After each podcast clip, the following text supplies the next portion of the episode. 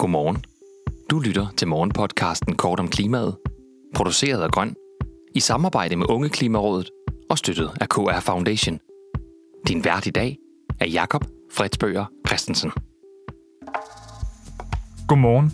Det er i dag fredag den 21. oktober, og jeg har udvalgt dagens tre vigtigste klimanyheder til dig. Den danske energisektor ser ud til en enorm overnormal profit. Lovgivning står i vejen for Power to X, og unge aktivister stormer i dag land. 30 milliarder kroner i overskud. Det er så meget den danske energisektor ser ud til at tjene i år, ifølge dagens politikken. Renset for inflation svarer det til en stigning i overskud på 40 procent i forhold til 2019 og 2020. Som det altid er, når der kommer spændende nye data i aviserne, så er der nogen, der har betalt for det. Og denne gang er det fagbevægelsens hovedorganisation. De mener, at overskuddet bør særbeskattes og overføres til inflationsramte danskere. EU har allerede vedtaget, at det fra den 1. december bliver muligt for medlemslandene at særbeskatte energisektorens overnormal profit. Men det er op til danske politikere at beslutte, hvordan det skal foregå og hvad pengene skal gå til. Regeringen og resten af Rød Blok er fortaler for at inddrage midlerne, men vil ikke fortælle til politikken, hvordan det i så fald skal foregå. Og mens Søren Pape indtil nu har været mere bekymret for, hvad definitionen af overnormal profit er, så er både de konservative og Venstre nu også enige i særbeskatningen.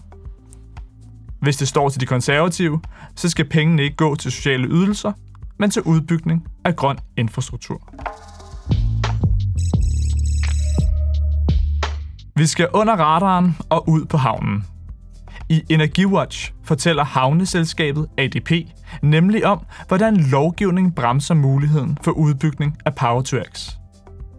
Fra politisk hold er det meningen, at de danske havne skal blive knudepunkter i en omfattende produktion og distribution af elektrolysebaserede brændstoffer. I alt er målet, at Danmark skal producere 4-6 gigawatt af den slags brændsler i 2030. I havneområderne ligger i forvejen tung industri, som der er ambitioner om at fange CO2 fra, som kan indgå i visse typer af PTX-brændstoffer. Det danske havneselskab ADP, som har til huse i Fredericia, peger dog på tre udfordringer. For det første er der lovgivning om, at havneselskaberne ikke må benytte solceller, men kun vindenergi eller bølgeenergi. Og det ser de som begrænsende for at sikre egen forsyningssikkerhed. For det andet er de ærgerlige over ikke at have fået flere investeringer generelt i havnenes infrastruktur. Da Folketinget vedtog den store infrastrukturplan frem mod 2035, blev der afsat 86 milliarder til kollektiv trafik, 64 milliarder kroner til nye motorveje, men ifølge ADP kun 50 millioner kroner til de danske havne. Endelig så er branchen uforstående overfor, at vindsektoren nu kan se frem til opspeedet sagsbehandling for myndighederne, men det gælder ikke alle andre projekter inden for grøn omstilling. Fungerende klima- og energiminister Dan Jørgensen siger, at regeringen er ved at se på udfordringerne og håber at kunne indføre en hurtigere sagsbehandling. Dagens solstrålehistorie er, at Randers i dag får besøg af en masse engagerede unge fra hele landet.